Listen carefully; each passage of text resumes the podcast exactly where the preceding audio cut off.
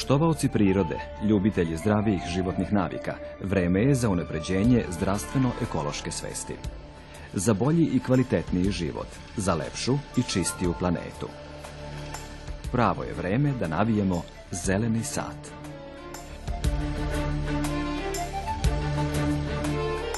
U središtu ove priče je čovek koji, razvijajući svoj mikrokosmos na duhovnom, mentalnom, emotivnom i fizičkom planu, može biti bolji sebi, svojim bližnjima, svom neposrednom okruženju, kosmosu. Priroda i kosmos dobro pamte sve što čovek čini. U ovoj emisiji gledat ćete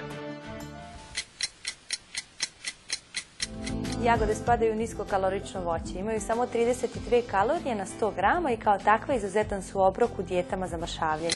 Sada ću vam dati ideju kako da napravite salato od jagoda. Svetan i Bogom blagosloven praznik svetoga Vasilija čudotvorca Ostroškago, a njegove molitve i naše molitve koje smo danas prinijeli ovdje u ovoj svetoj obitelji dosežu do predstavlja svevišnjega i duboko se verujem i nadam da je gospod primio molitvu našu i prima. Od nekadašnjeg svetogorca arhimandrita Gavrila Igumana manastira Lepavina dobio sam blagoslov za duhovno istraživački boravak na Svetoj gori. Otac Gavrilo je na Svetoj gori živeo i podvizavao se 13 godina i odatle je doneo mnogo istinskog duhovnog iskustva, koje od tada neprekidno deli sa vernim narodom, prenoseći mu svetlost i duhovnu mudrost Svete Gore.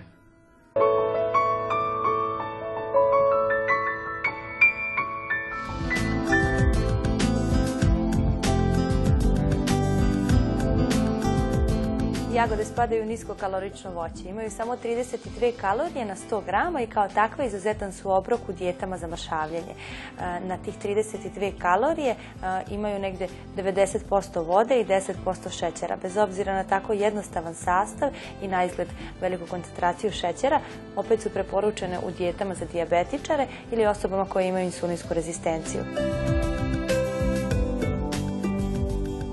Negde ste čuli možda da se trudnicama ne preporučuju, obzirom da obiluju folatima i vitaminom C kao takve, izuzetan su obrok za ishranu trudnica.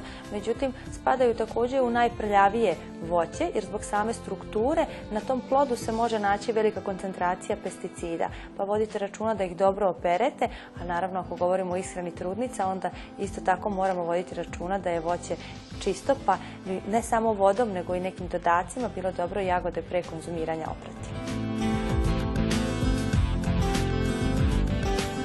ako govorimo o dodacima, onda bi bilo dobro da budemo i tu precizni. Pa kad perete jagode, možete koristiti sodu bikarbonu ili sirće.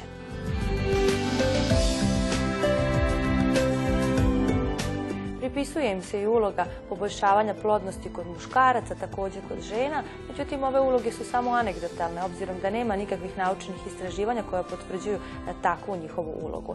E, kada znamo da je nešto dobro, korisno, ako su još i ukusne, onda smo negdje skloni i preterivanju. Pa je jako važno da znate koja bi bila neka optimalna količina jagoda u sezoni.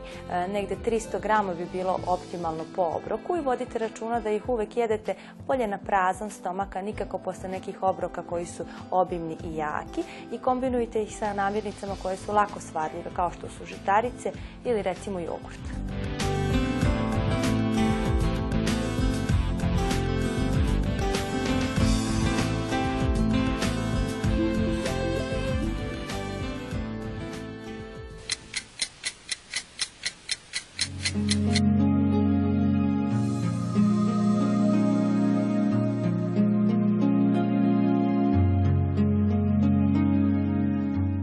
Sada ću vam dati ideju kako da napravite salatu od jagoda. Obično od jagoda pravimo slatkiše, neke kolačiće, torte, pa evo sada jedne ideje da unesete nešto novo ovog proleća. Za ovu salatu je potrebno više sastojaka, ali se svi oni mogu nabaviti na našim pijacama, vrlo su e, pristupačni i što je još važnije uvek sveži i potrebne su jagode, zelena salata, tofu, soje.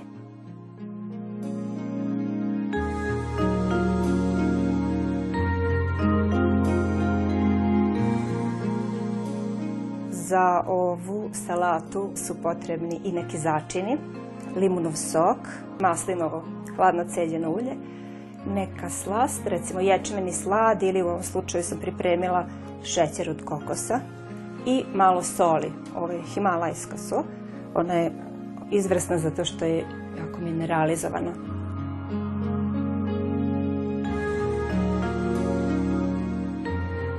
Jagode iseckamo.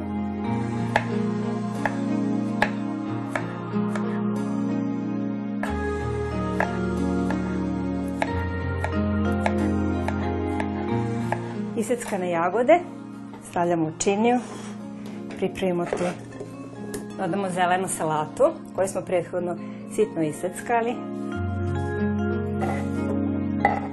Divno, svežo. Jagode su mirisne, predivne. Zatim seckani tofu. Malo soli. Ječmeni slad ili u ovom slučaju kokosov šećer. Ili neku slast koju vi koristite. Malo limunov sok. Potopi, Pomešamo.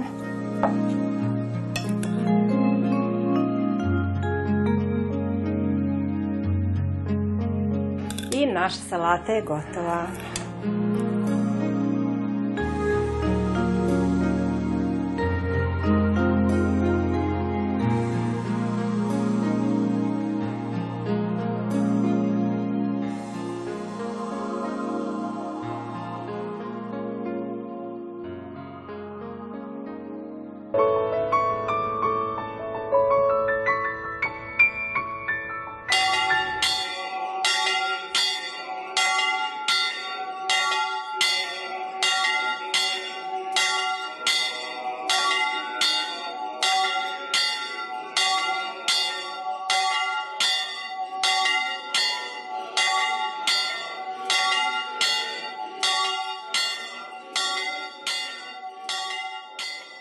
U ime Oca i Sina i Svjetovog Duha. Hristos Voskrsa! Hristos Voskrsa! Hristos Voskrsa! Svetan i Bogom blagosloven praznik svetoga Vasilija čudotvorca Ostroškago, a njegove molitve i naše molitve koje smo danas prinijeli ovdje u ovoj svetoj obitelji dosežu do predstavla svevišnjega i duboko se verujem i nadam da je Gospod primio molitvu našu i prima molitve iz ove svetinje svetoga Vasile Ostroškog na ovom drevnom izvoru koji je napajao, fizičkom izvoru koji je napajao narod Boži u vreme Rimske imperije, a evo danas na ovome svetome mestu duhovna snaga, verem, i napajanje duhovnog naroda Božijeg upravo je u ovoj svetinji i ovoj blagoslovenoj kući.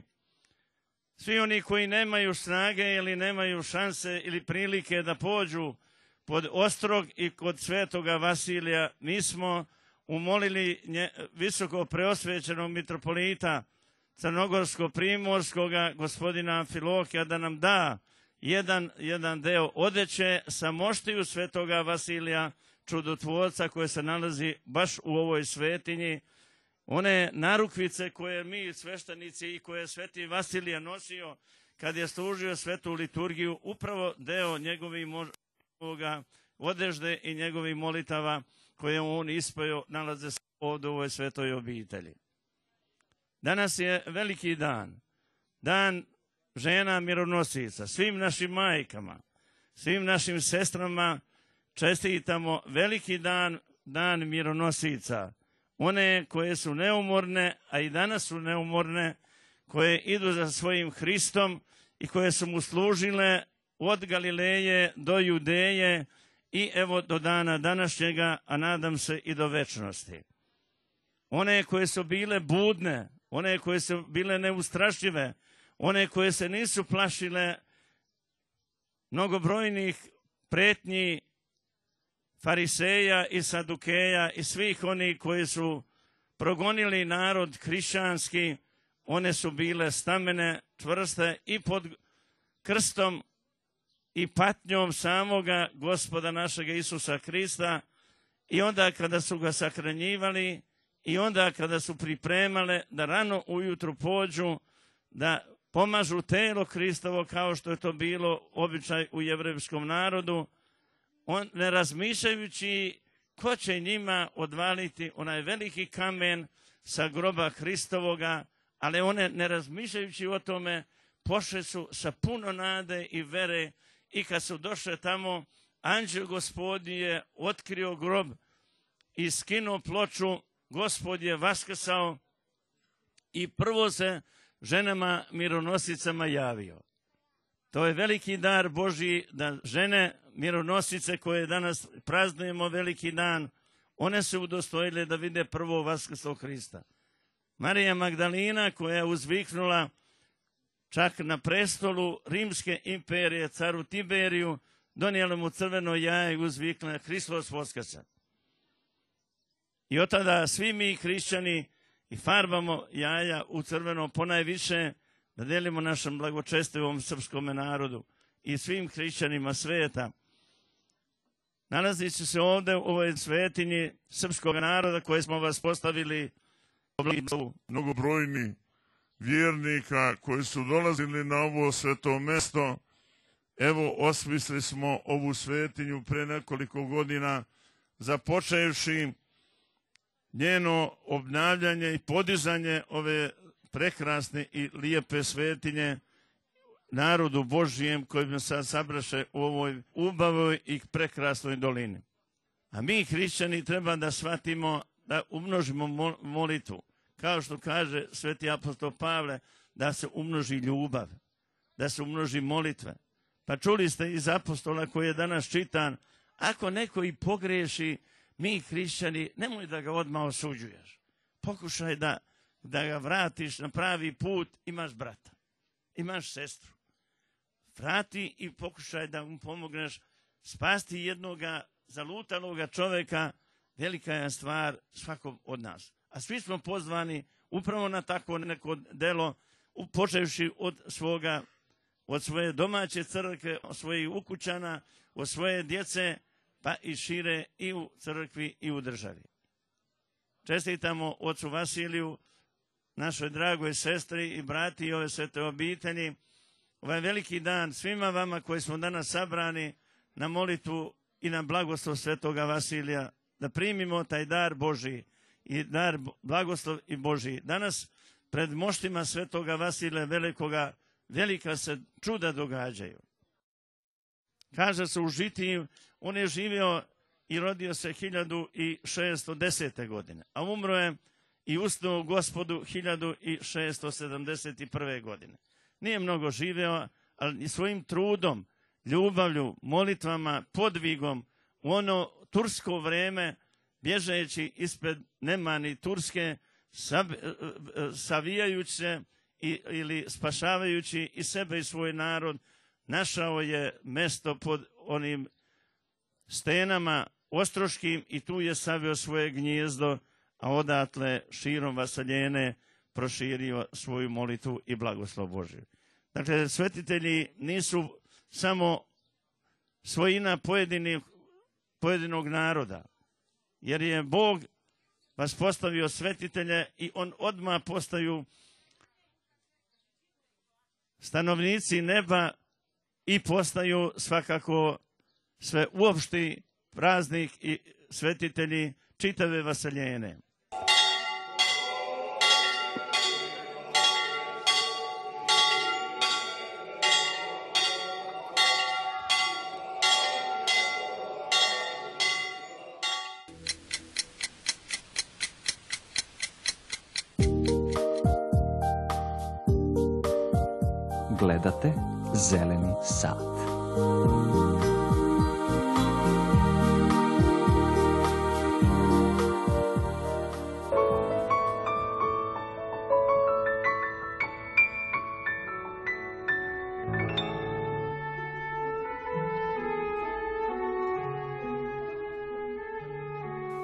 U potrazi za istinskom pravoslavnom duhovnošću stigao sam do najsevernijeg od tri kraka velikog poluostrava Halkidiki u Grčkoj. Došao sam na svetu goru Atonsku, da se izbliza upoznam sa zaboravljenom mističnom duhovnošću pravoslavnog hrišćanstva i naročito pravoslavnog podvižništva. Otvorite srce i pođite sa mnom u ovaj drugačiji svet u kojem se neprestano slavi stvoritelj sveta i u kojem njegovi stanovnici neprekidno upražnjavaju umnosrdačnu molitvu za spas cele vasione, za spas svakog od nas. Od nekadašnjeg svetogorca, arhimandrita Gavrila Igumana manastira Lepavina, dobio sam blagoslov za duhovno istraživački boravak na Svetoj gori. Otac Gavrilo je na Svetoj gori živeo i podvizavao se 13 godina i odatle je doneo mnogo istinskog duhovnog iskustva, koje od tada neprekidno deli sa vernim narodom, prenoseći mu svetlost i duhovnu mudrost Svete Gore. Planirajući svoj put na Svetu Goru, unapred sam odebrao pravce kojima ću se kretati po njoj. Obišao sam čitavo poluostrvo, od severa do juga i od istoka prema zapadu. Snimateljsku ekipu naravno nisam imao, putao sam sam, a od opreme za snimanje imao sam poluprofesionalnu kameru kojom sam zabeležio samo neke detalje ovog duhovno-istraživačkog putovanja. Iz Uranopolisa sam na Svetu Goru krenuo brodom, koji je sve vreme plovio uz Svetogorsku obalu, pristajući u svaku manastirsku luku, dok na kraju nije stigao do luke Dafni, na južnom delu Svete Gore. Iz Dafnija sam autobusom stigao do Kareje, administrativnog sedišta Svete Gore.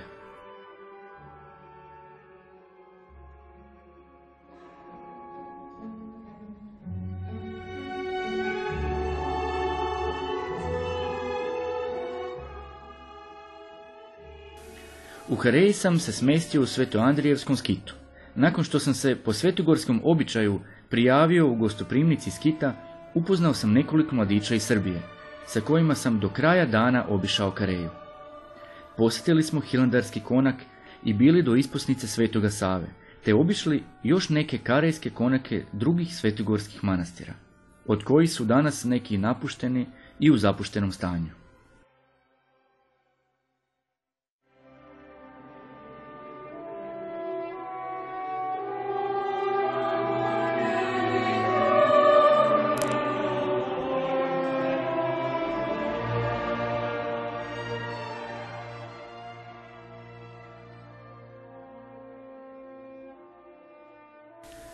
U središtu Kareje nalazi se prodavnica, ambulanta, pošta, carina i policija. Tu smo seli i malo se odmorili u skromnoj karijskoj gostionici. Pre nego što smo krenuli u obilazak obližnjeg manastira Kutlomuš.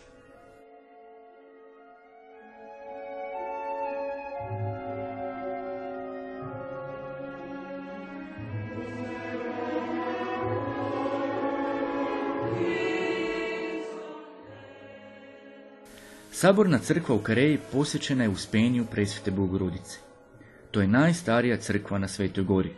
U njoj su do danas sačuvane freske iz 13. veka, a u njenom oltaru nalazi se drevna čudotvorna ikona Majke Božije, čuvarke Svete gore, zvana Dostojno jest. Od prvoga dana sam se nekako spontano navikao na Svetu goru. Postalo mi je potpuno prirodno to čudesno svetugorsko okruženje, guste zimzelene šume, vrh Atosa i pučina otvorenog ustalasanog mora. Zato Svetu Goru, zbog te njene posebnosti, mnogi nazivaju Bogorodičinim vrtom. Jer je Bogorodica zaštitnica ovog svetog mesta i zastupnica pred Bogom njenih stanovnika podvižnika. Došavši na Svetu Goru, ušao sam u drugačiji svet, bez uobičajenih svetovnih ograničenja, pun istinske slobode. Zakoračio sam u portu neba i dalje ostajući na zemlji, stigao sam u najveći pravoslavni hram na svetu, na svetu goru. Ruski manastir Svetog Pantelemona uzdiže se na južnoj obali Svete Gore. U kompleksu manastira nalazi se nekoliko veličanstvenih hramova i manjih kapela. Manastir se obnavlja dobrotvornim prilozima iz Rusije. No poklonicima čini se nije baš jednostavno ovdje prenoćiti. I nama je noćenje u ovom manastiru bilo neizvesno do posljednjeg trenutka. U uredu za poklonike iz nekog razloga nisu imali razumijevanja za našu molbu da prenoćimo u manastiru. No zadivljeni nebeskom lepotom manastira nismo odustali od namere da ovdje prespavamo. Moj saputnik Raško i ja smo u tom cilju stupili u vezu sa Mikijem i Žarkom, dvojcom ikonopisaca iz Srbije koji su boravili u manastiru jer su im pantelejmonski monasi angažovali za ikonopisanje manastirskih crkava. Tek na njihovo usredno zauzimanje manastirske vlasti su dopustile i omogućile nam noćenje i jednodnevni boravak. Nakon obilaska manastira i upoznavanja sa njegovim svetinjama i njegovom okolinom, posjetili smo manastirsku ikonopisnu radionicu. Tihi prostor pun vrlo starog namještaja od punog drveta radionica ima izlaz na dugačku terasu sa predivnim pogledom na more. Na terasi je vladala potpuna tišina sa pogledom na morsku pučinu bez čamaca i brodova. Nikakav zvuk nije dolazio iz daljine, a more je bilo gotovo bez jednog talasa. Uz manacirski čaj kojim su me poslužili gledao sam kako Miki i Žarko ikno pišu. Stvaraju svoja duhovno-umjetnička dela. Oni su mi rekli da osjećaju da njihovu ruku vodi naručiti promisao tvorca neba i zemlje, velikog umjetnika koja okršava svu visijonu i čitav svet, te da je njihov udeo u stvaranju ikona, iako neophodan, u suštini veoma mali. U duhovnom razgovoru i druženju ostali smo u ikonopisnoj radionici sve do večere, nakon koje smo dobili poslušanje da pomognemo oko čišćenja najveće manisterske manastirske trpezarije na Svetoj gori u koju može da stane oko hiljadu ljudi. Tokom spremanja trpezarije nije se čulo ništa do molitve. Gospode Isuse Hriste, Sine Boži, pomiluj me grešnog. I presveta Bogorodice spasi nas. U savršenoj tišini i molitvi završili smo naše poslušanje, a onda sam požurio ponovo do ikonopisaca Žarka i Mikija na terasu kako bih udahnuo večernji miris mora i uživao u prizoru vrha Atusa, ka čim obroncima me vodi sutrašnje putovanje.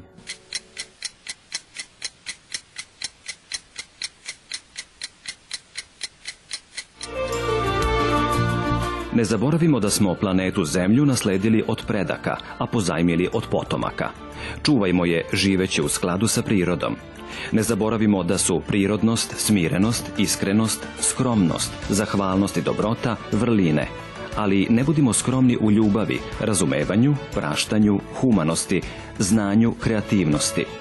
Pokrenimo se, postanimo bolja verzija sebe.